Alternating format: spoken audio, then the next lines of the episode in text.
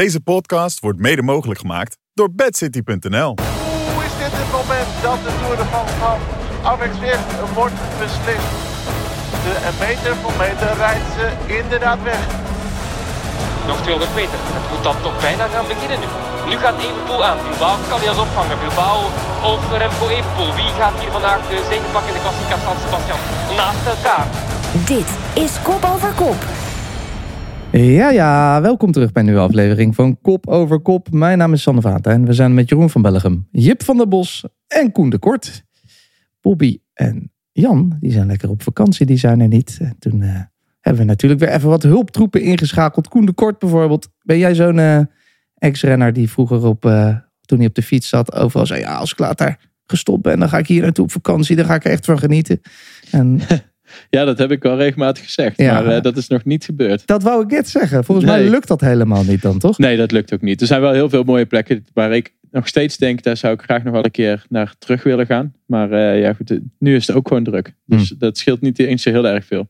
En als ze morgen zouden zeggen, eh, neem even lekker twee weekjes vrij. Alles kan, geld speelt geen rol. Ik denk California. Ah. Ja. Heerlijk.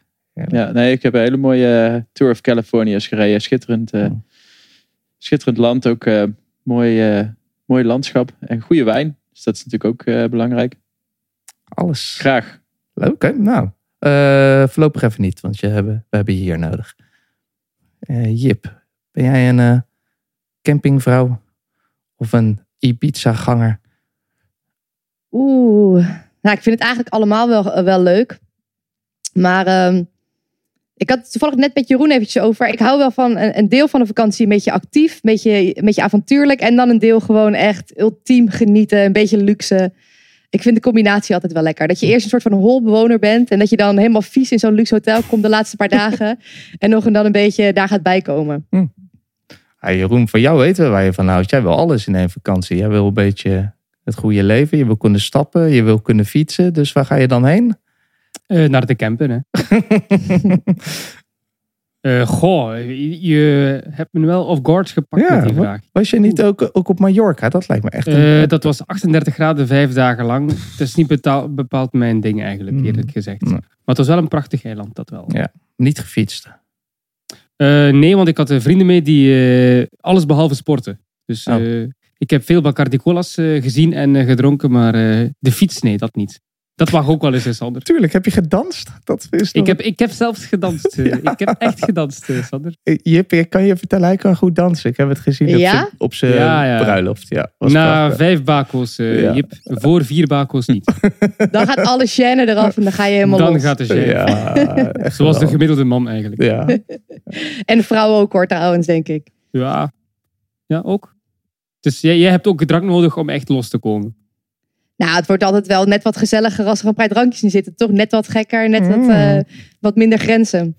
Nou, moet je Bobby Traxel zien. Nou, Maar die is er niet. Laten we het daar niet over het is, eh, als deze podcast uitkomt, 1 augustus, transferdag. Koen, nou, voor jij misschien niet, maar Jeroen, jij wel. Zit je al een beetje te gluren van eh, wat gaat er gebeuren? Goh, wat, wat wel zo is, eh, Sander, vind ik, in juni en juli heb je toch al heel veel geruchten.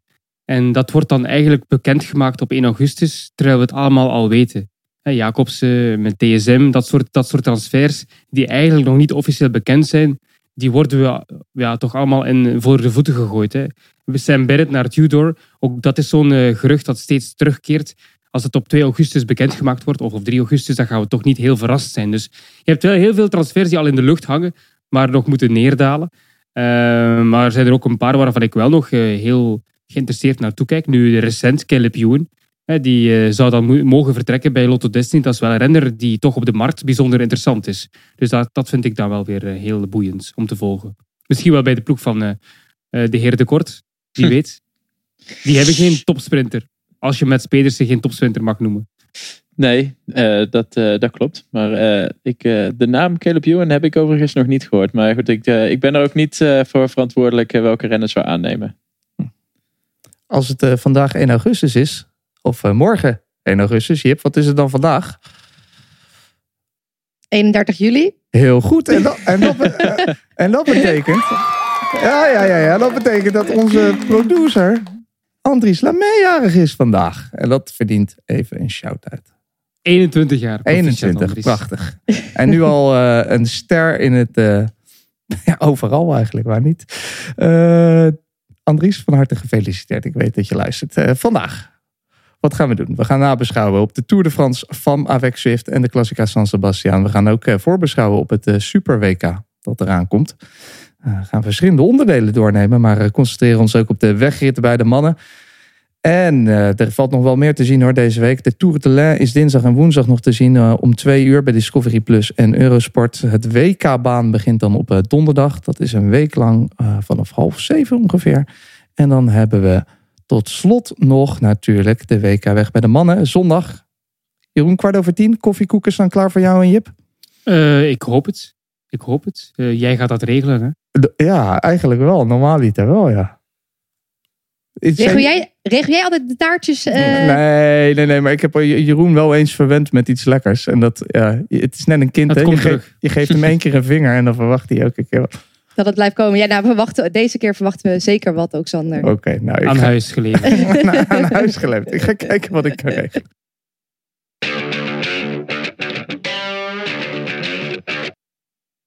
Eerst gaan we maar eens lekker nabeschouwen. We gaan eh, toch terugkijken op de Tour de France van Avec Swift. Het heeft eh, toch wel geleverd. Het was een spektakel.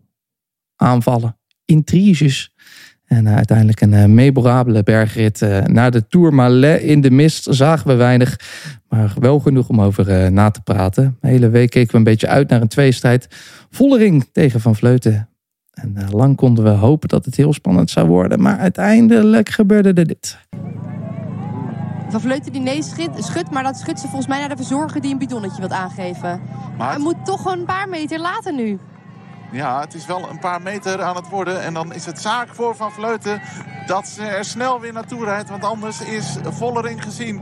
Hoe is dit het moment dat de Tour de France van Avec Swift wordt beslist? Is dit het moment waarop Vollering afrekent met al die demonen? Is dit het moment waarop Vollering afrekent met Van Vleuten? En meter voor meter rijdt ze inderdaad weg. Het beslissende moment in de Tour de France. Mij was het eh, Jip, de koninginrit. Hè? Je had er toch wel naar uitgekeken de hele week. Jij helemaal. Alles gezien wat er te zien valt. Was het eh, wat je ervan gehoopt had? Ja, ehm, ik vond het een hele mooie tour eigenlijk. Eh, het begin van de week hoopten we misschien iets meer op ontsnappingen in het begin. Maar ik denk dat we daar de rest van de week echt heel erg mee verwend zijn. Dat we hele spannende finales hebben gezien waarin koploopsters net niet teruggepakt werden. Misschien ook wat frustratie over tactieken eh, in het peloton, hoe daar gere- gereden werd op die ontsnappingen. Eh, ja, ik denk dat dat heel mooi was eigenlijk. Ehm, en dan eh, inderdaad, voor het klassement was het een beetje wachten op die zaterdagrit. De, de koninginrit de Tourmalet op. En dat was ook weer een hele mooie wedstrijd, vond ik eigenlijk. Ben je het ermee eens, Schoen? Heeft hij eh, zaterdag dit geleverd wat, we, wat je gehoopt had? Ja, absoluut. Het was echt een, eh, een schitterende rit. Het is natuurlijk even- enigszins nog... eh, Met twee van zulke grote bergen is het soms nog wel eens wat lastig. Dan had het ook al heel snel eh, saai kunnen worden. Maar dat vond ik echt zeker niet het geval. Ik vond het eigenlijk al heel mooi uitgetekend ook dat parcours. Met eerst al eh, toch echt een lastige berg. Maar toch eigenlijk alles weer een beetje teruggekomen. Maar daar ook weer een aanval gezien van eh Nevia Doma. En uiteindelijk dan de sterkste die toch wint. Ik, ik vond het een hele mooie rit. En ook anders als de afgelopen jaren met dit soort bergritten. Waar het eigenlijk traditie was dat Van Vleuten gewoon onderaan de eerste lange beklimming eh, hard ging rijden. Iedereen loste en eh, niemand meer terugzag. Dat Dat iedereen zijn probeerden ze natuurlijk. Dat probeerden ze nu ook, maar dat, dat lukte niet. En dat is wel een beetje het einde van het tijdperk. Daardoor was het ook een hele andere koers als dat we de- de afgelopen jaren gezien hebben. Hmm. Einde van het tijdperk. Daar gaan we het zo ook even over hebben. Over fakkels die overgedragen worden. Vond jij het, Jeroen, een eh, reclame voor het vrouwenwielrennen? Wat je gezien hebt dit weekend dan? Ik heb, ik heb heel veel gezien, eh, zeven dagen lang. En ik moet zeggen dat ik eh, er echt van genoten heb.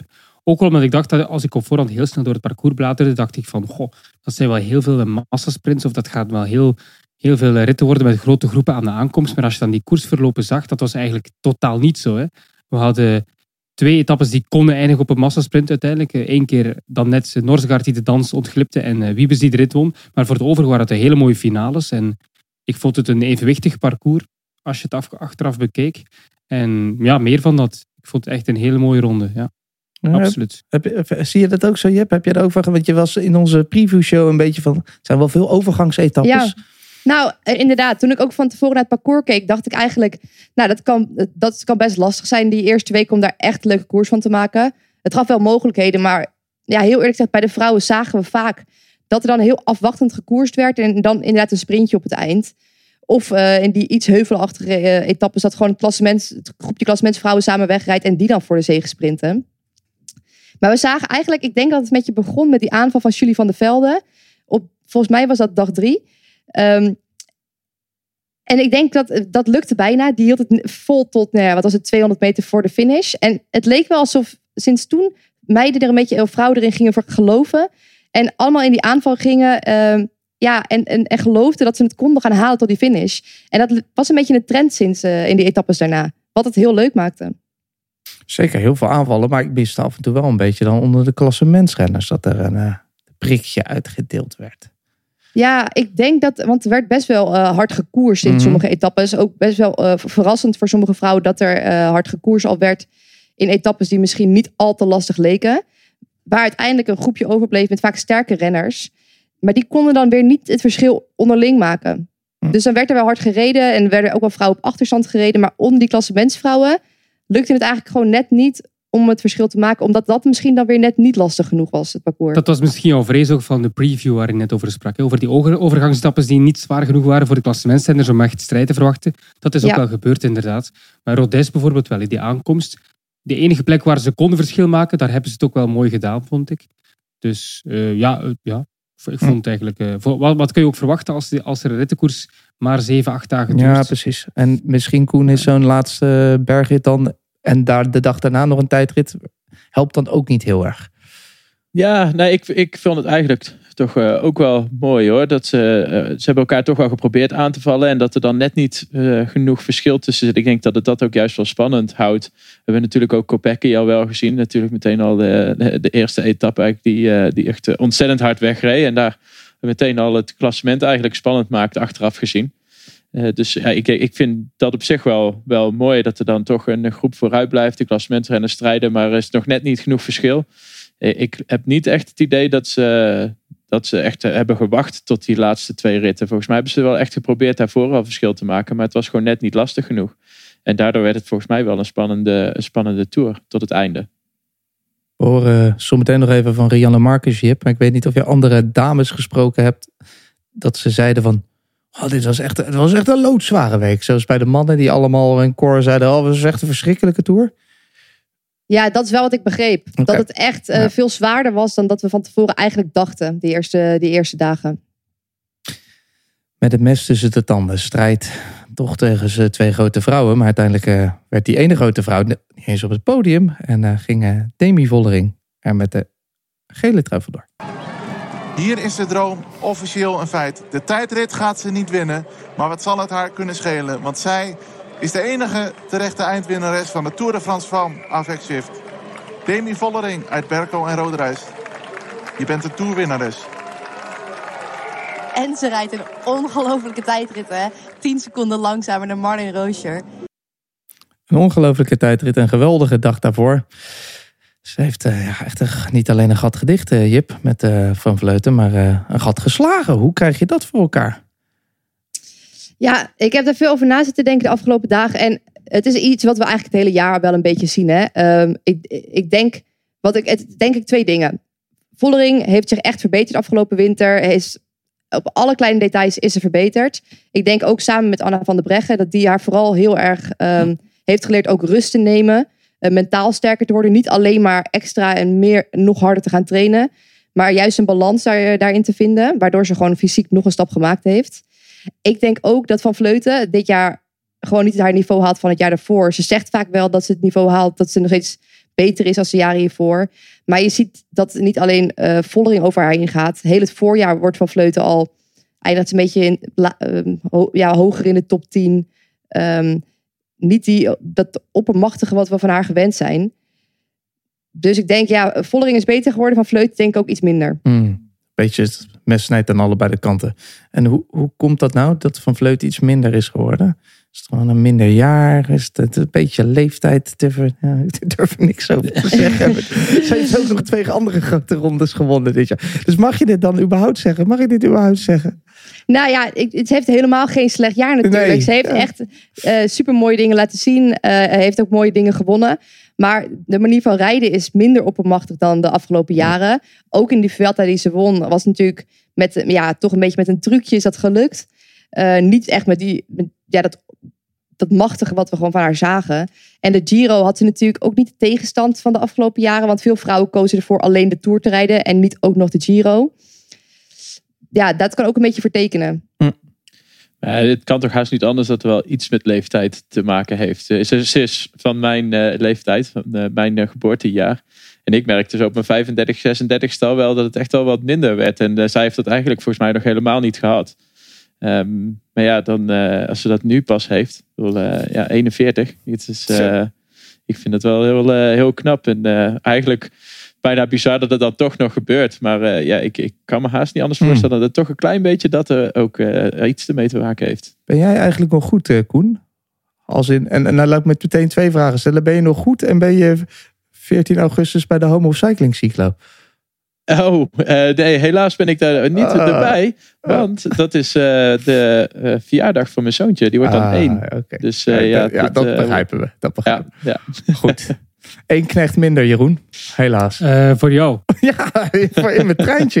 Ik wil een treintje opzetten Ja, om ja jou ik, kapot ben, te ik ben de voorlaatste pion in jouw trein. Oké, ik wilde eigenlijk je kapot maken. Eh, maar het is eigenlijk wel ook wel weer ergens mooi, toch, Koen, op deze manier. Een soort van fakkel die overgedragen werd, zoals net al gezegd werd door Jip. Ja, schitterend. Het is toch, het is toch hartstikke mooi. Zo in, eh, in die regenboogtrui, eh, de wereldkampioenen die misschien net eventjes ietsje minder is. En eh Vollering die net even iets beter is dan ze is geweest. En heeft Van Vleuten ingehaald en neemt inderdaad de fakkel over. Volgens mij had je het niet mooier kunnen maken als je een script ervoor zou Hmm. schrijven. Is het ook waar we het over, nou, als we over vier, vijf jaar terugkijken, Jip, op deze tour over hebben? Van eh, dit was eh, het, het jaar waarin de echte switch kwam? Nou, ik denk het wel. Ja, de afgelopen jaren in eh, wedstrijden zoals deze hebben we gewoon gezien dat Van Vleuten altijd de beste was. Al, natuurlijk ook wel het gevecht met Anne van der Breggen. Maar sinds dat Anne van der Breggen gestopt is, ja, kon, kon niemand eigenlijk iets doen tegen Van Vleuten. Vollering was vorig jaar in de Tour daar ook heel erg gefrustreerd voor. Voor mij zei ze nog in een interview iets van... ehm, ja, ik doe er alles voor. Ik weet gewoon niet hoe ik nog beter kan zijn. Maar, maar ik ben gewoon niet beter. Ehm, ja, en dat is nu eigenlijk... Ja, hebben we gezien dat, het wel, dat ze wel te breken is. Jeroen, ik, eh, ik ga je overvallen, maar ik bedenk me het net even. Ik heb hem snel erbij gepakt. Wat is er aan de hand in de Vlaamse krant?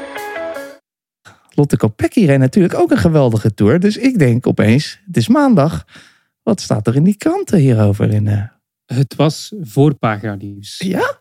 Het was echt voorpagina nieuws. Ja, ja, ja, absoluut. Ook heel veel kijkers gisteren bij de Belgische televisie als het ging over, eh, over de prestatie van Kopecky. En echt voorpagina in het nieuwsblad. Wat een krachtstreepje tour. Hmm. Wat een krachttour. Hè? Ja. Ja, van eh Kopecky in het groen met haar mama erbij op de foto. En op de voorpagina van de Sportkrant dan stond er... En dan nu de wereldtitel. Met Geen druk hoor, maar voor. En maar welke Maar- wereldtitel dan? Ja, ze heeft, ze heeft opties. Hè. Nee, maar we, we zijn er heel veel mee bezig geweest, Sander. Ik moet zeggen, bij, eh, mijn vrouw en ik, eh, die, zelf mijn vrouw, die, die wilde naar huis eh, van, van een etentje om toch maar eh, die, die finale te kunnen bekijken van een tijdrit. Omdat we toch, ah, kan ze nog derde worden of niet? En, en dan waren we aan het volgen naar die laatste meters en dan, hé maar wacht, Nivea Doma die verliest wel heel veel tijd nu. Gaan ze nog tweede worden? Nee, dat kan, nee, dat kan niet. Dus eh, we waren heel veel mee bezig eh, met die prestatie van Kopecky. Ja, we zeggen het allemaal, zo'n beetje de vrouwelijke Van Aert. Type renner. Dus eh, wel superleuk. Leuk. Dat leefde Ja. echt in eh, België. Absoluut, ja, ja dat, eh, dat leefde heel erg de afgelopen week. Omdat niemand het had verwacht. Ik denk jullie ook niet. je hebt de analisten ook niet. Hè, dat Nee. Kopecky een klassement zou kunnen rijden in de Tour. Nee, zeker niet. Nee, want die eerste dag toen ze... Ik denk niemand, want anders hadden die andere rensters haar die eerste dag ook geen eh, 45 seconden gegeven. Nee, dat was echt... eh, dat ze zo kon klimmen, daar heeft ze iedereen mee verrast. Dat belooft dat eh, voor de toekomst. En eh gaat nog hele... Ja, ze, wil, ze, ze wil het niet per se hoor. Huh? Ze heeft nu al gezegd, de, het WK van eh, volgende week is tien keer zo belangrijker als die Tour. Oh, Dus wordt- eh, dat zegt genoeg, hè. Ze wordt niet meteen een grote ronde in zijn schoenen geschoven, zoals bij Nee, Wout. Ze wil het Ah, niet echt. ah. Nee. Kan nog veranderen, hè. We gaan ook nog, eh, zoals ik zei, even luisteren naar een eh, vrouw die eh, zelf de Tour de France eh, van heeft gereden. Rianne Marcus. Hoi hoi. Ehm, ja, de tour zit erop. Ik ben eh, blij met eh, hoe we de tijdrit hebben afgesloten. Het was echt een eh, ja, lastig parcours wel, de tijdrit. Ehm, de- ja, eigenlijk zat alles erin. Eh, vlakke rechte stukken, makkelijk. En eh, het klimmetje was natuurlijk eh, bijna vijf minuten. was echt wel eh, ja, pittige inspanning in de tijdrit zo. En eh, vervolgens in de finale zo een beetje glooiend weer terug eh, het stadje in. Dan nog dat laatste eh, klimmetje. Ehm, ja, ik denk eh, dat je ook daar naar voren zag komen dat de klassementsrensters die er op dit moment het beste voor eh, stonden, goed naar voren kwamen. En natuurlijk, eh, zoals verwacht, Reus weer heel goed ervoor stond. Het was leuk om eh, een keer een tijdrit te hebben op het hoogste niveau, waarbij je jezelf echt eh, aan de wereldtop kon meten. Dus ik ben heel blij met het resultaat daar. Over het algemeen ehm, ja, denk ik dat we in de Tour veel vergelijkbare etappes hebben gezien. Dus waar we vorig jaar iets meer variatie hadden in verschillende, ja, verschillende etappes. Met een gravel-etappe, met wat punchy aankomsten, met sprint-etappes. Eh, en natuurlijk de bergen, de bergen de laatste twee dagen. Heb je, ehm, nu hebben we natuurlijk wel een mooie tijdrit gehad, maar hebben we eigenlijk vooral heel veel hetzelfde gezien. En ehm, zag je ook uiteindelijk steeds in de finales dezelfde groep naar voren komen. Ehm, dat zal volgend jaar wel anders zijn met de toerstart in Nederland natuurlijk. Maar eh, ja, ik vond het wel een hele mooie tour. Het was eh, weer super mooi om erbij te zijn met alle, ja, gewoon de hele atmosfeer en zo eromheen en alle media. Het was weer ontzettend eh, tof om eh, te ervaren. Dus eh, ja, was tof. Een hele toffe tour volgens Rianne Marcus. We gaan er nog eventjes op terugkijken in iets breder perspectief. Koen, ze zei het zelf net al heel eventjes. Van wat, dat het misschien een beetje veel van hetzelfde was. Denk je dat de organisatie iets geleerd heeft van deze tour... wat we misschien volgend jaar gaan eh, terugzien? Nou, ik denk dat ze heel tevreden ook zullen zijn met het parcours dat ze uitgetekend hebben. Maar wat Rianne net ook al zei, natuurlijk met de start in Nederland wordt het toch wel iets lastiger om de eerste rit al een klimmetje te vinden waarbij eh Kopecky weer eh, 45 seconden kan wegrijden. Dus eh, daar eh, eh, toch wel wat verandering in komen en dan zullen we toch in het begin wel iets meer echte massasprint zien, denk ik.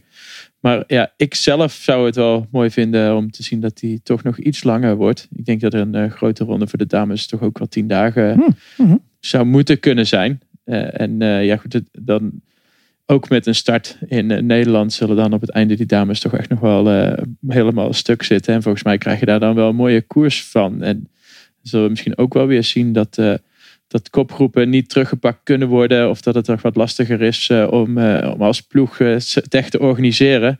Maar ik denk dat dat er toch ook wel voor een gedeelte mee te maken had. Dus ja, ik denk dat ze heel tevreden zullen zijn en ze zullen proberen meer van dit te doen. Dat denk ik ook wel. En dan eh, durf ik het bijna niet te vragen aan Jip. Maar eh Koen zei het net al, een grote ronde van tien dagen. Zit dat er denk je ook in? Ik hoop het wel. Het staat volgens mij ook op de planning. Ehm, ik- kijk, ik denk dat moet ook een beetje langzaam groeien. Maar eh, ik hoop het wel. Die vrouwen kunnen dat makkelijk aan. En het zou, het zou eh, in, wat we net ook al een klein beetje over hadden. Als het zo kort is, is het ook lastig om ehm, alles erin te krijgen. Om het misschien spannend te maken. Want we hadden nu maar eigenlijk plek voor één bergetappe. Ehm, dus ja, hoe langer het wordt, hoe beter, denk ik. Mm, Of niet hoe langer, hoe beter. Maar als het langzaam groeit, is dat Ja, wel heel goed. Ja, dat lijkt me ook eh, heerlijk. En Jeroen, dat eindklassement. Ik zie slechts twee Nederlanders in de top 10. Dat moet toch ook hoop geven dat het eh, nu echt wat internationaler gaat worden. Eh, ja, dat, dat is in volle gang. Op alle vlakken zie je dat het toch groter wordt, dat de- het internationaler wordt. Ook de kijkdichtheid, die groeit steeds meer. De kijkcijfers zijn nu net bekend ook van de Belgische televisieomroep eh, als het gaat over die Tour de France Femme. En dat was gewoon erg goed. Dus dat is alleen maar goed nieuws voor de toekomst. Want we hadden net al drie weken mannen achter de rug. Dan zou je denken, mensen zijn nu wel even klaar met die koers. Maar je ziet toch dat de, de, de welwillendheid van het publiek er nog altijd was om de vrouwenwedstrijden te volgen. Dus dat is wel echt wel een goed teken voor de toekomst. Ik dacht ook na die drie weken, pff, ik zou even een koersbreak nemen. Maar toch, hè, het beestje wil dan toch weer kijken naar die, naar die wedstrijd bij de vrouwen. En het was ook zo interessant dat ik bleef kijken. Dus Dat eh, hebben heel veel andere mensen ook gedacht. Stond, trouwens, ik bedenk me nu pas, Jeroen, maar stond Remco ook nog ergens op die voorpagina in de krant? Of was die... Eh, ik zal het even zeggen. Hè. Eh, ga, ga maar verder, Ja. want ik, ben, ik heb die krant nu net gesloten. Oh, wacht hier. Ik zie het hier staan. Wat een krachttoer. Dus, eh, en dan staat ze er... Oh ja, hij staat ernaast. Hij staat dat, er dat belooft voor het TK. Voor Oh, het en dan, WK. en dan staat Remco er ook nog even bij Ja, dat natuurlijk. Ja. voor Om daar de de druk ook ja, alvast. Ja, ja, ja, ja, ik ja, begrijp. Jip, het laatste woord is wel aan jou, vind ik. Want jij hebt bijna echt eh, bijna alles gezien wat er te zien viel. Wat heb jij eh, geleerd over het, eh, van deze Tour de France? Over het vrouwenwielrennen of in het algemeen? Of met het oog op de toekomst? Oeh. Eh, dat vind ik wel een lastige vraag. Maar wat ik in elk geval heel leuk vond, deze tour, was eh, dat er zoveel werd aangevallen. Dat er echt geloof was vanuit de ontsnapping dat, er, dat je kon winnen. En dat het ook best wel vaak lukte. Mhm. Iets wat bij de mannen eigenlijk haast nooit gebeurt. Omdat die, die eh, ploegen zo goed ehm, ja, weten hoe lang ze ervoor nodig hebben om het gat dicht te rijden. En eh, de samenwerking goed genoeg is om dat ook te doen. Werd er bij de vrouwen heel veel gepokerd in het peloton. Tactisch ja, kan daar nog wel wat verbeterd worden, denk ik, eh, voor de tactiek in het peloton. Ehm, maar ja, ik weet niet zo goed wat ik geleerd heb. Ik, ik, ik, zit al zo lang in het peloton. eh, alles is mij wel een beetje bekend. Maar ik vond dit gewoon een hele leuke verandering wel. Dat was het zeggen. Het was een eh, prachtige tour. En we gaan nu verder kijken. Want op zaterdag viel er nog iets te genieten. Nog 200 meter. Het moet dan toch bijna gaan beginnen nu. Nu gaat Evenpoel aan. Bilbao kan hij dat opvangen. Bilbao of Remco Evenpoel. Wie gaat hier vandaag de zege pakken in de Klassica San Sebastian? Naast elkaar. Kan Bilbao het pakken? Nee, nee, nee. Het wordt Evenpoel. De derde voor Remco Evenpoel. De wereldkampioen. Schittert voor het laatst in zijn regenboogtrui voorlopig. En is nu mede-recordhouder van de Klassica San Sebastian. Ja, de Classica San Sebastian. Ik zei het al drie keer achter elkaar. Jeroen wint die. En eh, niet alleen dat, ook een ander wapen in zijn arsenaal. Onze Remco kan ook sprinten als de beste. Dat is eigenlijk al heel het jaar een beetje bezig, die opmars eh, in zijn sprintkwaliteiten. Heeft hij afgelopen winter ook eh, bijzonder veel op getraind, omdat hij daar toch wel de afgelopen jaren duidelijk wat extra eh, kracht in miste. En je ziet ook wel dat het, het er nu helemaal uitkomt. Dat zag je ook al in Catalonië, vond ik, toen hij Roglic er een keer oplegde in de sprint. Dat ik dacht van, oh, die is echt wel explosiever geworden ehm, dan vorig jaar. En nu ook in de Belgische titelstrijd. Heeft hij kilometers lang op kop gereden met Zeegaard in zijn wiel. En hij sprintte hem toch gewoon uit zijn wielen. Dus dan zag je al dat die sprintsnelheid echt wel verbeterd was. Maar Bilbao zei eigenlijk ook gewoon eerlijk na afloop eh, dat eh, Evenpoel de meest frisse was. Dus het was niet zozeer dat hij misschien veel sneller was, puur qua ehm, explosiviteit, maar gewoon omdat hij veel frisser was aan de aankomst, dat hij daardoor won. Maar het is inderdaad eh, een stuk verbeterd en eh, hij zegt zelf ook dat dat heel veel vertrouwen geeft. Weet je wat ik heel opvallend vond? Dat hij zei, dat geeft me heel veel vertrouwen naar de Tour van volgend jaar, voor die bonificatieseconden. Dat, dat, in plaats dat je zegt, dat geeft me heel veel vertrouwen voor het WK of voor de Vuelta. Nee, die zei al meteen, dat geeft me heel veel vertrouwen voor de Tour van volgend jaar, want daar zijn bonificatieseconden ook belangrijk. Daar ben je nu al mee bezig. Vond ik toch wel tekenend. Ja, bij die jongere categorie heeft hij natuurlijk eigenlijk ook nooit hoeven sprinten. Hij reed eigenlijk gewoon altijd iedereen naar het wiel. En hij reed alleen op de finish af, eigenlijk elke koers. Dus eh, ja, nu eh, heeft hij toch af en toe wel eens met iemand af te rekenen in de sprint. En ja, wel, eh, wel knap van hem dat hij daar dan op traint. En dat hij dat, dat dus gewoon ook nog kan. Het, is, ja, het houdt niet op, wil je bijna zeggen. Die man kan alles. Was sowieso, Jeroen. Ik moest helaas verhuizen op zaterdag. Dus ik heb het allemaal in een samenvatting op GCN teruggekeken. Maar het was heerlijk, hè? Eh, ik heb de aanval ook gemist. eh, Ja, Sander. hebt de aanval Ja, we hebben de aanval Ja. van Everpoel in herhaling moeten zien. En dat zegt al wat, want eh, tegenwoordig op Eurosport zenden we bijna alles ja, van start tot finish uit, zou ik niet zeggen. Maar het scheelt niet veel en we beginnen altijd heel erg vroeg. En San Sebastian is een uitzondering daarin. Ehm, productie begon maar om drie uur en we kregen om drie uur de eerste livebeelden. In vertraagde weergave de aanval van Evenepoel. Dus de beslissende demarrage voor de kopgroep die had hij eigenlijk al uitgevoerd op 75 kilometer. Dat hadden ze niet verwacht eh, in eh, het Baskeland. We gaan, eh, ik ga weer een petitie voor je beginnen. Vanaf tien uur 's ochtends. Jij, San Sebastian, oh, dat, dat heb ik nu niet gezegd. Ik ken nog mensen bij Eurosport. We kunnen wat voor je regelen. Koen, één ding. Ik zei vorige week rekscherend wordt Bouke Mollema in zijn elfde, voor de elfde keer dan elfde. Maar dat niets, niets van de alles vijftigste. Geen top 10. Waar was hij? Nee, ja, eh, een off-day, Hm. zo- zoals ik het eh, begreep. Hij voelde zich gewoon niet eh, helemaal goed. Andere jaren deed hij dat natuurlijk na een Tour de France, die hij ook eh, de laatste eh, 36 jaar gereden heeft, volgens mij. Eh, dus ehm, ja, hij heeft echt al heel, veel, heel vaak de Tour gereden. En dan daarna eh, zo'n San Sebastian, dat, dat doet hij gewoon heel goed. Daar, daar, eh, daar gaat hij heel goed op. En ja, nu had hij dat niet. En dat is denk ik toch een ander soort voorbereiding op San Sebastian. Dat toch niet helemaal goed is uitgepakt voor hem blijkbaar. Maar eh Bouke moeten we zeker nog niet afschrijven. Een keer geen top 10 in San Sebastian betekent niet dat, eh, dat we hem niet meer in de gaten hoeven houden. Vo- Volgend jaar dus gewoon weer de Tour als voorbereiding op de Classica San Sebastian. Laten we het hopen.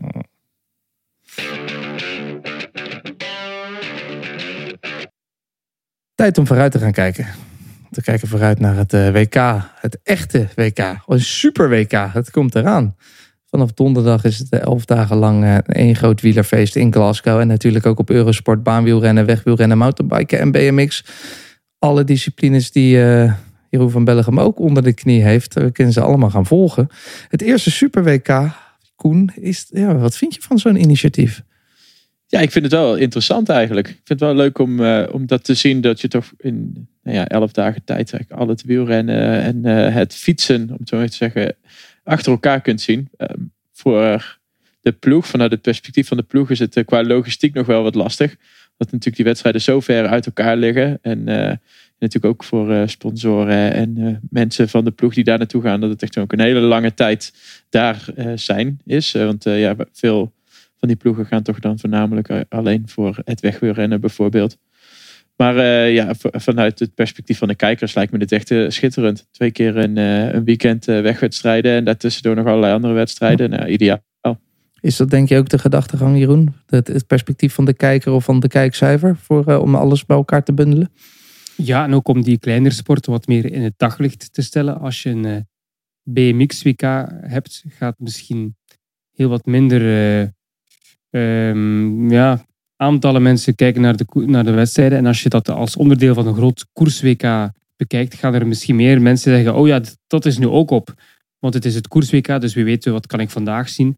En eh, dat je misschien meer aandacht hebt voor de kleinere sporten. En ik heb denk ik iets te veel eh, met Bobby Traxel ge- gepraat de afgelopen jaren, Sander. Want ik zie meteen een groot idee ook van Lapartien, de, de baas van UCI, die eigenlijk erop uit is om ook eh, bij de Olympische ehm, ja, hoge pieten er deel van uit te maken. Dat hij eigenlijk zoiets wil tonen van kijk, ik kan een groot event organiseren Ah. één jaar voor de Olympische Spelen. Om zo ook op een goed blaadje te staan bij, eh, bij die federatie. Om te tonen van kijk wat ik kan organiseren. Dat is een opstapje naar mijn eh, gooi naar eh, het, ja, het hoogste. Olympische voorzitter worden. Dus eh, ik, ik zie daar al iets in. Maar Ja, dat, is, ja, dat is weer omdat ik met Traxel te Ja, nee, als straks wel er is, moet iemand Ja, de, de, de, de conspiracies, ja, die, moeten erin zitten.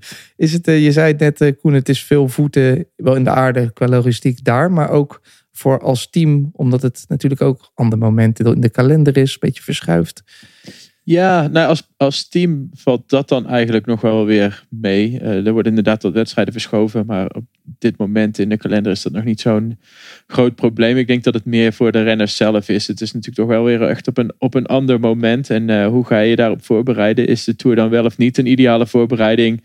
Zo, wat moet je dan na de Tour gaan doen? Je wilt toch ook focussen eh, op, dat, op dat WK? Want voor heel veel renners is het natuurlijk echt een, een groot doel ja, de renners die het WK kunnen winnen, die rijden toch ook vaak in de Tour. Want daar rijden toch ook de beste renners. Dus ja, dat is, eh, dat is altijd even lastig. En ik denk dat dat nu voor de eerste keer toch ook voor een heleboel renners even een beetje uittest is. Hoe dat, dat nu gaat eh, gebeuren. En eh, ja, misschien en hopelijk krijgen we daardoor nog wat verrassende renners vooraan in het WK. Dat zou leuk zijn, daar gaan we het zo ook over hebben. Meerdere disciplines tegelijk. Allemaal zijn ze daar. Dan denk ik, Jip, zijn er ook renners, rensters die al die disciplines ook een beetje, nou niet alle, maar veel verschillende dingen gaan eh, combineren. Nou, er zijn wel renners die dat doen. Eh, niet veel volgens mij. Wat ik ervan weet in ieder geval, eh, Mathieu van der Poel doet natuurlijk de wegrit en de mountainbike. Daar zit een kleine week tussen. En eh Kopecky doet dan de, in ieder geval het omnium en ook de wegrit. Dus de baan op en de weg. Ja, het kan wel. En zoals Kopecky zei zelf in een interview dat het voor haar wel een goede test is. Ook voor de Spelen van volgend jaar. Waar het ook allemaal kort op elkaar is. Als je daar ook eh, meerdere disciplines wilt doen, is dit wel een goede oefening natuurlijk. Of dat gaat. Ja, ik ben benieuwd hoe dat gaat. Ik denk voor deze grote talenten, en en Van der Poel, is het wel mogelijk. Die maken misschien makkelijk die switch. Maar ik denk voor heel veel andere renners dat het een hele lastige combinatie is om bijvoorbeeld die mountainbike op te gaan. Terwijl je net uit een tour komt, eh, helemaal niet op techniek hebt getraind eh, op de mountainbike, dan is het denk ik wel lastig. Gaat uh, Puck Pietersen combineren of niet? Pietersen, denk- die doet mountainbike waarschijnlijk wel, maar eh, op de weg niet waarschijnlijk. Hè? Ik denk het niet. Nee, ik nee. moet eerlijk zeggen dat ik het niet zeker weet. Ja, nee, ik denk het niet. Het Zou een de- eh, plotse hersenspits. Zou er iemand zijn als plots hersenspinsel die eh, het allemaal kan doen, Jeroen? Ook nog even BMX erbij? Eh, ja, Sagan. er is maar één Sagan. man. Ja, ik, ik dacht Van der Poel, maar eh, ja. Sagan zou dat ook wel kunnen, ja. ja. Ja, die kan op de baan ook wel uit de voeten. Ja, prachtig. Is hij nog goed genoeg om geselecteerd te worden voor Slowakije? Ja, hoe, hoe vaak... Net wel zeker. Net wel Ik zeker. denk het wel. Ja, hij heeft wel eens eerder iets goeds gedaan op de WK, dacht ik. Eh, het eh, baanwielrennen begint al op de donderdag. Dat kan je dus eh, elke dag zien, zo vanaf half zeven. En dan kunnen wij daarover praten. Maar er is eigenlijk gewoon maar één man die zelfs vanaf zijn vakantieadres daar eh, meer over kan vertellen dan wij. Ja, jullie moeten het vandaag even zonder mij doen, omdat natuurlijk op donderdag het WK baanwielrennen ook in Glasgow begint. Jullie hebben natuurlijk al de hele tijd over de wegwedstrijden gehad, over de tijdritten, maar het is natuurlijk eh, een van de belangrijkste wedstrijden in aanloop naar de Olympische Spelen in Parijs. Op donderdag hebben we al de ploegen teamsprint bij de vrouwen, een heel belangrijk onderdeel, want die vrouwen doen het, de Nederlandse vrouwen, erg goed. En op vrijdag natuurlijk eh, de revanche van de bullet train. Vorig jaar werden ze verslagen door Australië. Ze zijn op trainingskamp geweest in Noorwegen onder andere. Ze zijn zeer gemotiveerd. En ze willen het eh, wel wat eh, beter doen dan de vorige keer. Dat was toch een teleurstelling. Hè? De eerste nederlaag eigenlijk in jaren. Dus donderdag en vrijdag al meteen volle bak. Elke avond op eh, Eurosport 1 te volgen het WK-baan. En het weekend tot en met eh, dinsdag nog allemaal prachtige wedstrijden. Dus ik zou zeggen jongens, eh, behalve de weg zijn er ook nog prachtige wedstrijden op de baan. En wij, ik, ben er volgende week weer. Ciao. We kijken er naar uit. Krijg, wekte wel de indruk alsof hij in Glasgow zat, eh, Jeroen. Maar dat is eh, een, een Ik heb alleen maar gehoord dat hij mijn chow heeft gepikt. Ja, en dat, dat is- dat- accepteer ik niet. Ik dat heb een hangen. patent aangevraagd. Dat, eh, Dus daar niet. blijft hij van af. Nou, dan moet hij betalen. A bientôt mag je, mag je zeggen. Ja, als, dat is meer zijn Fransman. ding, toch? Ja. Inderdaad. Wij gaan het over het WK op de weg bij de mannen hebben. Aanstaande zondag vanaf kwart over zit tien dus al te zien op Eurosport. Het parcours, laten we daarmee mee beginnen. Jeroen, 272 kilometer. Is dat op het Nog spek voor het bek voor Valentijn. Ja, lekker toch? Easy. Voor jou ook? Granfondo. Voor jou ook zo'n hele dag? Eh, mijn langste afstand ooit is 180 kilometer, dus 200, eh, nee. Maar eh, lange Oh. dag, ja, dat zijn we gewoon bij Eurosport, toch? Ben jij er klaar voor, Jip? Want hij is natuurlijk gepokt en gemazeld in de laatste jaren.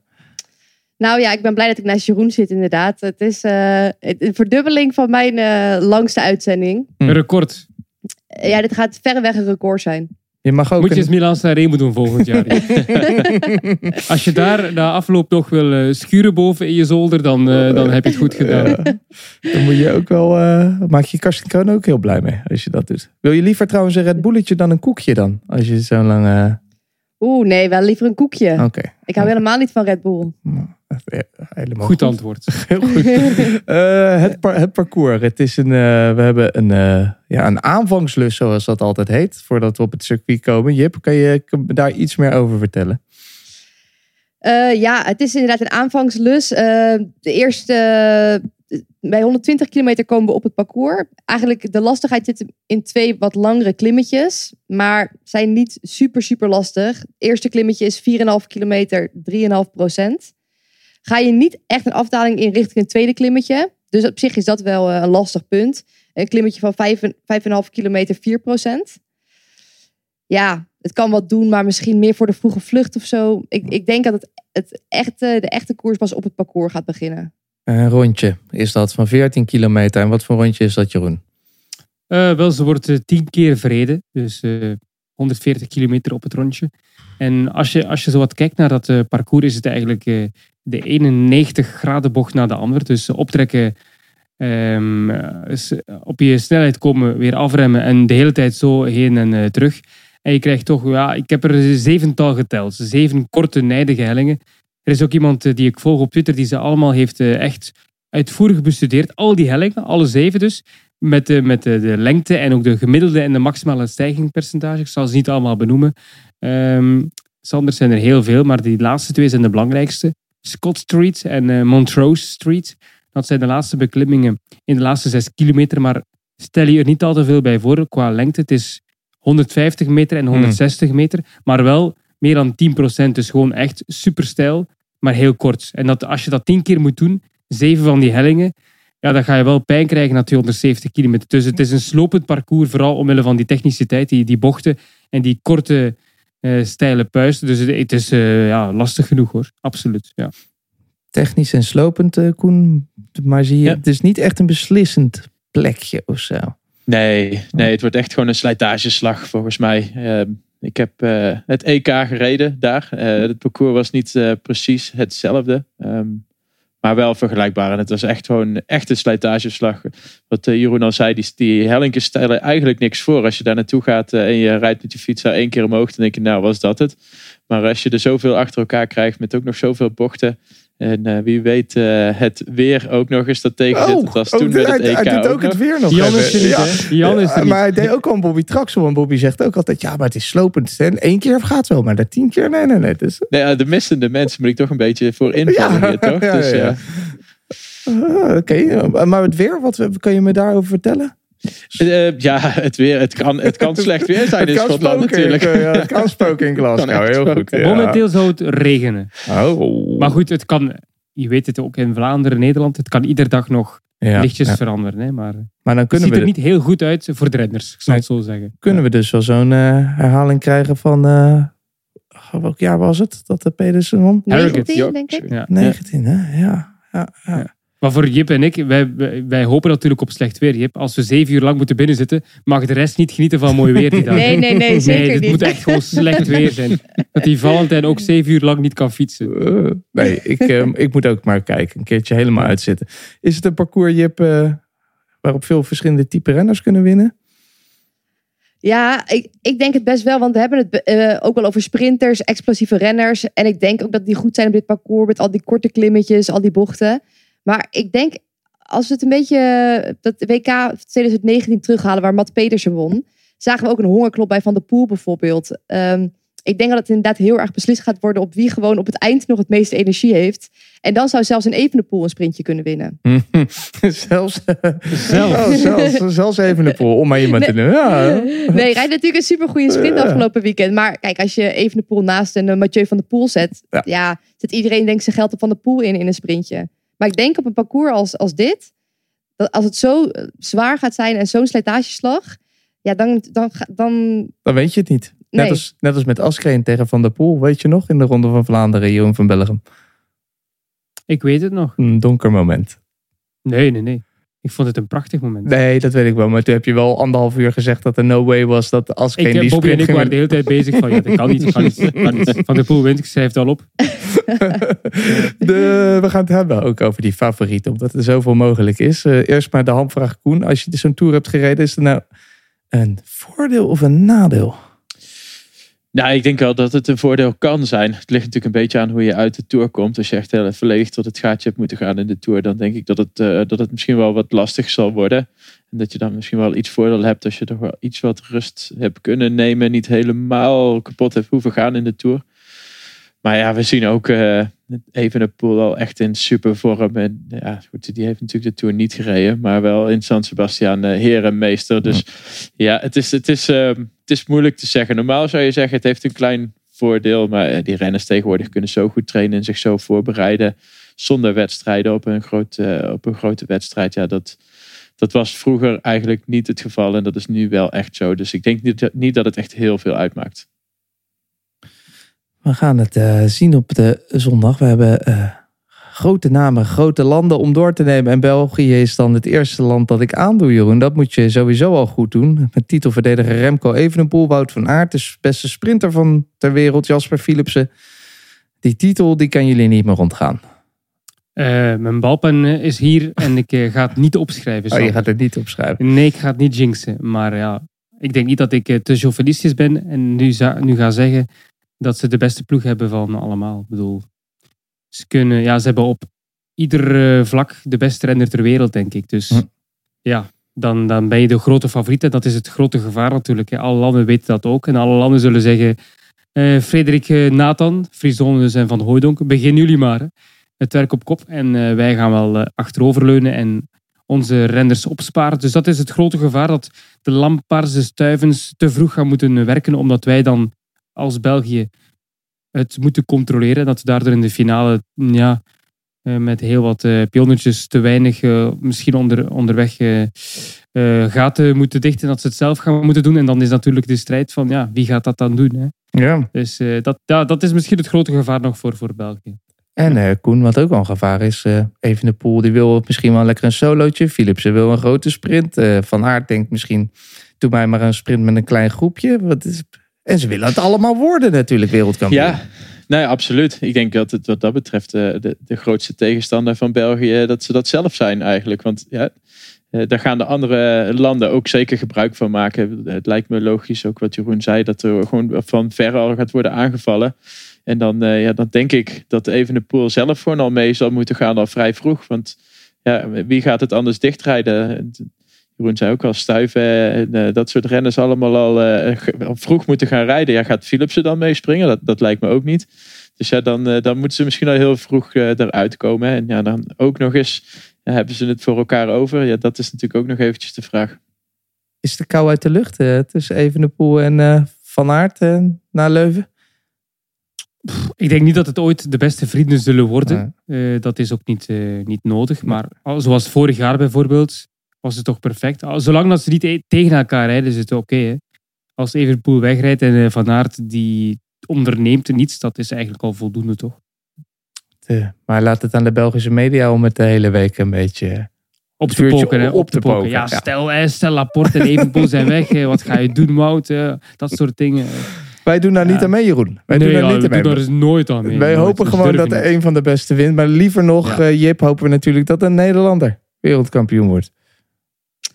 Uh, nou, dat zou heel mooi zijn. Maar als het een mooie strijd is, dan ben ik al uh, blij. Als we zeven uur met mooie koers kunnen vullen, dan, uh, dan hm. is het dan goed. We hebben een grote naam, Mathieu van der Poel. Geen soort tour in dienst van het WK. Denk je ook, okay, Jip, dat, het, nou, dat hij die favoriete rol wel verdient? Ook een beetje als je kijkt naar hoe de tour ging. Nou, als je naar de tour kijkt, dan zou ik hem niet meteen inderdaad als favoriet noemen. Maar ik denk dat uh, we Mathieu van der Poel tekort doen als we dat alleen daarop baseren. Ik denk dat hij uh, ook misschien wel beter is geworden door de Tour. De reed natuurlijk wel echt perfecte lead-outs. Was misschien in uh, ja, de, wat, de zwaardere etappes, ja, kon hij vaak niet mee tot het einde. Maar ik sluit hem zeker niet uit. We hebben vaker gezien dat hij niet echt goed was in een koers. En de, de koers daarop volgend de sterren van de hemel reed. Dus ja, sluit hem niet uit. Iemand die we ook niet mogen uitsluiten is Dylan van Baarle. Heeft al een geweldig jaar, Koen. Won een keertje zilver. Kan hij misschien uh, wel dat trucje uithalen dan wat ze met de België ook willen? Profiteren van iemand anders? Ja, dat denk ik wel. Ik denk dat dat echt uh, typisch zo'n renner is die het uh, België moeilijk zou kunnen maken. Dat, ik denk dat Dylan zelf ook wel het idee heeft om redelijk vroeg aan te gaan. En ja, goed, als, als Evenepoel of als Van Aert dat nog niet het moment vinden om mee te gaan. En vervolgens zijn ze het erachter niet over eens wie het gat moet dichtrijden. Dan, dan denk ik dat zo'n zo'n renner als Dylan van Baarle daar zeker echt een kans heeft. Hm. Hebben we nog andere ijzers in het vuur, Koen? Ja, we hebben, we hebben een aantal andere goede renners, zeker. Um, maar ja, goed, ik denk wel dat met Mathieu echt twee uh, toppers hebben. Ik denk dat we daar, uh, daar, daarvoor voor, van uit moeten gaan. Dan hebben we natuurlijk het gasland Groot-Brittannië, Jeroen. Niet veel afmakers, of zie ik dat verkeerd? Dat zie je helemaal juist. Wie moet alles op Fred Wright dan maar? Ja, Fred Wright is de kopman, maar we gaan die toch niet als topfavoriet nee. bekijken. Ik had ook iets meer van hem verwacht in de Tour. Uh, maar natuurlijk weinig etappes die voor hem ook uh, ja, lagen. Dus wat dat betreft kun je ook wel uh, dat ergens in rekenschap brengen. En misschien heeft hij zich ook wat rustig gehouden voor, de toer, voor het 2K zoals Van der Poel ook. Dus wie, maar ja, je kunt hem als een van de 20 outsiders wel noemen. Hm. Ja. ja. Uh, dit zijn geen outsiders meer te noemen, of wel uh, Koen uh, Peders, Skelmo's, jouw kopman. En noem jij ze nu maar eens een outsider? Of ja, nou ja, ik, ik denk, ik, ben, ik ga er eigenlijk wel een beetje van uit dat Pedersen wel tot de favoriete gerekend wordt. Uh, ik denk dat hij uh, ook, ook, in de Tour heeft laten zien dat hij echt in een hele goede vorm steekt. En uh, ja, dit kan hij echt als de beste zo zich voorbereiden op één dag. Echt één, één dag aanwijzen en daar 100% in orde zijn.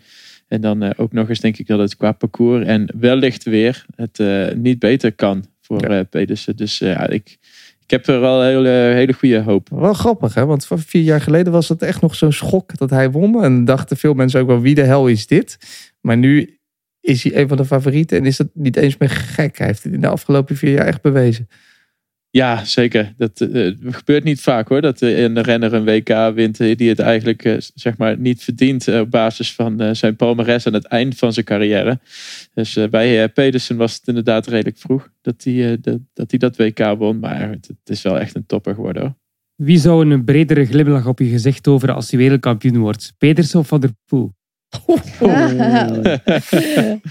Ja, dat is echt vraag? een lastige vraag. Ja, smerige vraag. Ja, zeker. Nee, Pedersen. Eerlijk, ik, vanuit ik, hart. ja, nee, ik, ik, ik denk eerlijk gezegd eh, Pedersen. Ik, eh, ik trek heel veel met hem op. Ik spreek hem heel regelmatig. Van de Poel zou ik ook intens blij voor zijn. Maar als ik dan toch echt moet kiezen, dan, Ja. eh, dan Pedersen.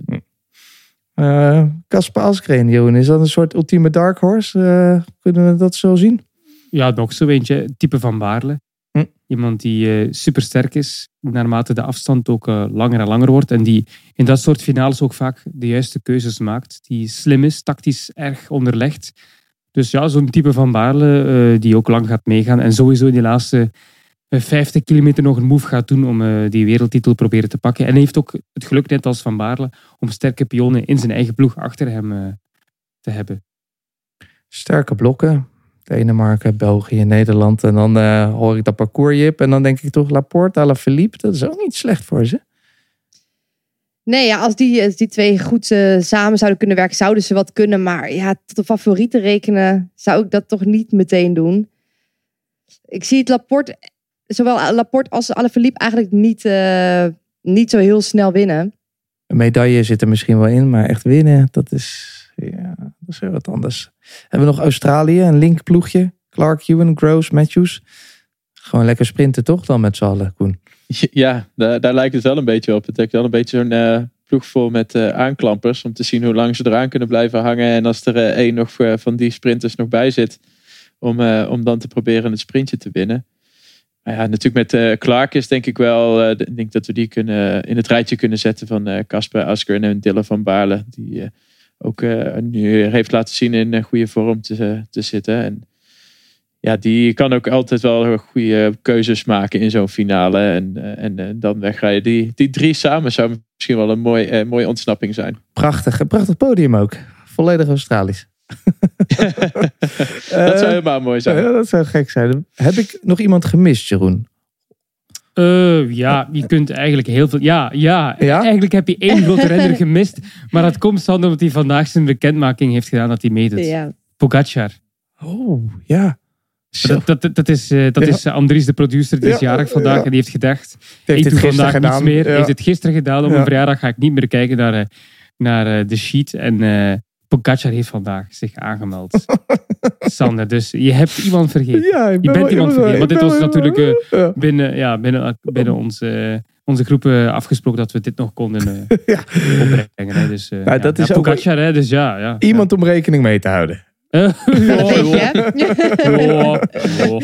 je, En kijk jij ook nog uit, Jip, naar eh, van die exoten, zoals we wel eens op het WK zien? Om de, om de lange dag een beetje draaglijk te maken. Mensen in de kopgroep waar je nog nooit van gehoord hebt uit landen waarvan je denkt, fietsen ze daar? Daar ook, ja. eh, ja. Dat gaan we vast wel weer zien in die aanloop. hier Er is genoeg tijd in elk geval. Healy, is dat een exoot? Nee. Die, Is- is- nee? die- die heeft zich al te veel bewezen, denk ik, Ja. toch? Ja, is dat een kans hebben? Net als een, een, een Girmay bijvoorbeeld. Ja. Dat kan ook nog wel eh, goed meedoen. Maar dat zijn geen mannen die in de, in de vroege vlucht gaan, denk ik. Nee, nee. Oh, je bedoelt op die manier, ja. Ja. We gaan het eh, maar benoemen, Koen. Helaas, de gas mag als... Of hey, lekker, de gas mag als eerst. Wie, eh, wie kroont zich tot wereldkampioen? Eh, Pedersen. Ja, tuurlijk. Ja, Ja, ja, ja, kan niet ja. anders. Heel goed. Ja, de ja. wens is de vader. Helemaal goed. Eh, Jip. Ik denk Pogacar. hij moet zich goed voelen als hij zich zo de last moment aanmeldt. Ja. Jeroen? Ik had ook Pedersen. Ah, nee, maar dat kan toch? Maar dat kan... Nee, ik ga Oh. niet, nee, ik ga niet, nee, ik ga ook niet Pedersen zeggen, dat is flauw. Ehm, dan ga ik toch voor Dylan van Baarle. Van Baarle? Ja. Oh, Oké. Nou, en ik denk dan, Jeroen, voor jou dat Wout van Aert uiteindelijk is gaan doen. Ah, Dat zou, dat echt... eh, aardverschuivingen, aardverschuiving in Vlaanderen teweeg brengen, denk ik. Dan, eh, dan komt de jingle. Wat is er dan aan de hand in de. Vlaamse krant? Die eh, Eh, hele aflevering. Vlaamse kranten. De kranten, ja. ja, dan moet je kranten, Gaan we eh, alle ja, media af. Hebben jullie Ja. ook een shownieuwsachtig iets? Eh, een show. Wat? Ja, wat hè? nee, eh, dat is zo'n programma dat alleen maar over showbiz gaat en zo. Met Eh, alleen wel, die volg ik alvast niet. Dus Nou. eh, ik heb geen idee. Je hebt geen idee, oké. Nee. Nou, dan kunnen we die niet behandelen. Heerlijk WK. Het gaat eraan komen. Het is... eh, Langst WK sinds 1981 bij de heren. Is dat zo? Ja, ja, Zo. ja. Toen won Freddy Maartens in Praag 281 kilometer, dus nu 271. Maar toen moesten ze de commentatoren nog niet eh, Nee. zeven uur lang een hockey duwen. Dus, eh, Nee, je hebt je, ze hebben jou weten te strikken voor het langste WK Ik denk ever. ja, ja, Dat ik ja. daarom ook gevraagd ben dat niemand op deze plek wilde zitten. Nou, heel goed. Ik, Ben je eh, al in Glasgow geweest, Jip? nee, nog nooit. Oh, dan gaan we heel snel uitgepraat zijn. Dat waren, dat waren mijn eerste vragen al. Hoe was in Glasgow? Oh, oké. Ja, hou die vragen nog even bij. Ja, ja, ja. Jammer. Denk- Of ja, oké. ja. Blijf, eh, je, hebt, je hebt nog een hele week. Om Tijd om dingen iets te- anders voor te bereiden. Ja. Ja. Ja, ja. Misschien iets over schuren, over eh Over verbouwen. klussen? Ja hoor. Oh, oké. Dan is het echt, dan is het Oh, echt een super. soort kast, Ja. Ik ben vandaag nog eh, wat eh, zaken ge- gaan kopen. Misschien kunnen we nog wat tips vragen naar jou. Ja, dat is goed. Ik ga deze week isoleren, dus eh, Oh, daar leuk. kunnen we wel over praten. Oh, dat vorige week hier gedaan. Dus oh, kijk, we hebben. Oh, nou. we hebben Bewaar dit, bewaar dit. Voor Ja, eh, dit zondag. we bewaren. ja. Zondag kwart over tien. Daar mag je het er veel meer over hebben. Dan kan ik ook kijken, want ik ben, zit ook in de verhuizing. Dus dan heb ik ook een reden om het op de achtergrond te Jij aan ook te gewoon mee. Ja, gewoon eh, isoleren. Dat is dus op eh, zondag. eh, donderdag het WK-baan vanaf half zeven. Vanaf donderdag. En de Tour de Lens is er op dinsdag en woensdag ook nog te zien. Eh, ben jij in Glasgow, Koen, dit weekend? Nee, nee, nee ik, eh, ik mag heel even thuis zijn. Dat is eh, ook dat wel is nog ook, even lekker. Dat is ook lekker. Bedankt dat je er was, Koen, Jip, Jeroen. Eh, succes allebei op zondag. Eh, Koen en ik gaan ervan genieten vanaf thuis. Zeker. Kop over kop is er volgende week weer. Kijken we terug op eh, het WK bij de mannen. We kijken ook vooruit naar het WK bij de vrouwen. En de tijdritten, dat vanuit Glasgow. Allemaal volgende week te horen in Kop over Kop. Tot dan. Deze podcast werd mede mogelijk gemaakt door bedcity.nl.